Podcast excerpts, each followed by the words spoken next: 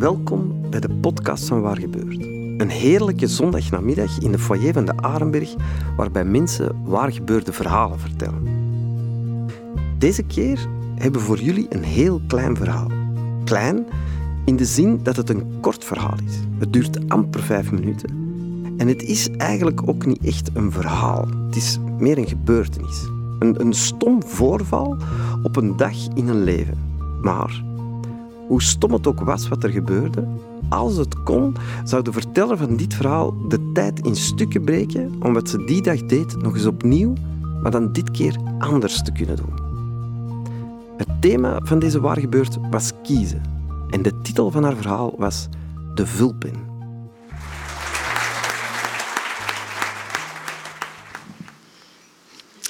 Uh, hallo, even om mijn uh, verhaal te schetsen. Ik ben nu 32, maar het uh, verhaal speelt zich af op het moment dat ik ergens tussen de 8 en de 10 ben. Dus toch al lang geleden. en om jullie even wat meer geschiedenis mee te geven. Ehm, ik heb twee broers en die zijn allebei jonger als mij. Je hebt Karel, die is twee jaar jonger als mij, en Jeff, die is echt negen jaar jonger.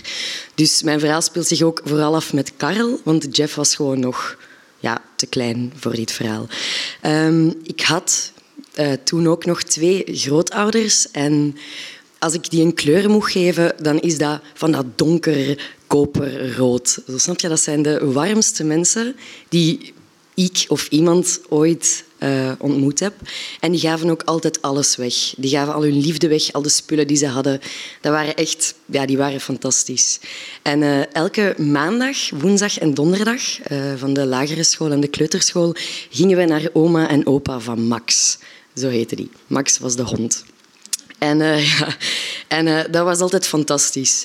Uh, wij kregen zo kommetjes, chips, kinderijtjes, allemaal dingen die wij niet kregen bij onze ouders. Waar mijn mama dan ook altijd heel slecht gezind om was. Maar wij kregen dat. Dat was fantastisch. En um, mijn opa, dat was voor mij echt mijn held. Die was zo super groot, super mager en gespierd. Die had 16 boterhammen of 32 kroketten. En dat was echt zo... Zo'n opa, ik keek daar naar op. En Voilà. Uh, op een bepaald moment... Ik was, ook, ah, ik was ook een meisje. Ik had ook veel dagboeken, zoals Sue. En ik had ook zo'n vulpen-fetish. Als in, ik had allemaal vulpennen en ik had er dan allemaal inkpatronen steken. Een groene vulpen, een rode vulpen, een blauwe. En ik schreef alles met vulpen. Ik vond dat iets, ja, iets heel moois. ja, vulpen was my life. En uh, op een moment, dus tussen die acht en die tien jaar, ik weet niet hoe wanneer, um, haalt mijn opa een, uh, een, een, doosje boven met zo van dat zwijde blauw, superschoon. En uh, zit in zo'n, een, uh, ik ga het niet vergeten, in zo'n kartonnetje. Je moet dat daar zo inschuiven. Ja, je, je, snapt het wel. En die doet dat open en daar zit een gouden vulpen in. Ja, fantastisch, hè? Een gouden vulpen. En die komt daarmee naar tafel, waar dat ik en mijn broer ons huiswerk aan het maken zijn. En die geeft die gouden vulpen aan mijn broer. En die zegt tegen mijn broer, dat is voor u, want jij bent uh, de man van, uh, ja, de oudste man. Uh, ik geef dat aan u als een cadeau. En op dat moment, dat is, mijn hart brak. Uh, en wat doe ik, rotjoch dat ik ben? Ik zeg tegen mijn grootvader, mijn grote held, ik zeg, ik vind dat zo lelijk, dat is zo duidelijk dat jij me niet graag ziet. En ik zeg gewoon lelijke dingen. En uh, niet bewust van die consequentie zit ik wat te mokken en ineens zie ik mijn grootvader huilen. Nu, moet weten, mijn grootvader, ik heb die nooit buiten die een dag in heel mijn leven zien huilen. Een man en je breekt daar. En dat is mijn schuld. En ja, dat moment is gepasseerd. En ik heb daar eigenlijk jarenlang niet meer aan gedacht. Maar zo, soms popt dat ineens naar boven. Vooral omdat ik heb daar nooit sorry over gezegd. Ik heb nooit tegen mijn grootvader gezegd... Man, jongen, ik zie je zo graag. En ik was echt gewoon een stom, klein, puberachtig meisje, maar dat eigenlijk gewoon jaloers was op die vulpen, op mijn broer. En ik heb daar eigenlijk tot op de dag van vandaag nog keiveel spijt van. Ik weet dat ik op het sterfbed van mijn grootvader stond en ik daaraan moest denken en dat ik alleen maar dacht, ik ben te laat. Ik kan dat niet meer zeggen.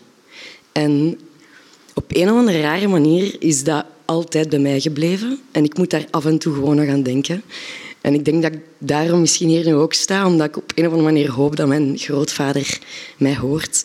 Maar dan in heel dit keuzeverhaal wil ik zeggen, als ik nu zou kunnen teruggaan, als ik kon kiezen, dan had ik het anders aangepakt. Dan had ik die gewoon vastgepakt en gezegd, hey geef mijn broer maar 50 vulpen, ik weet dat je mij graag ziet. Dus ja, kiezen is soms ook verliezen.